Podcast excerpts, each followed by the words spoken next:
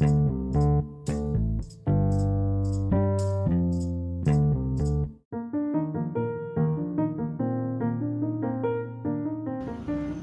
Ahmad Budiarto ingin mengucapkan selamat Hari Guru untuk seluruh tenaga pendidik yang hari ini masih menyampaikan materi baik di ruang kelas maupun di ruang guru.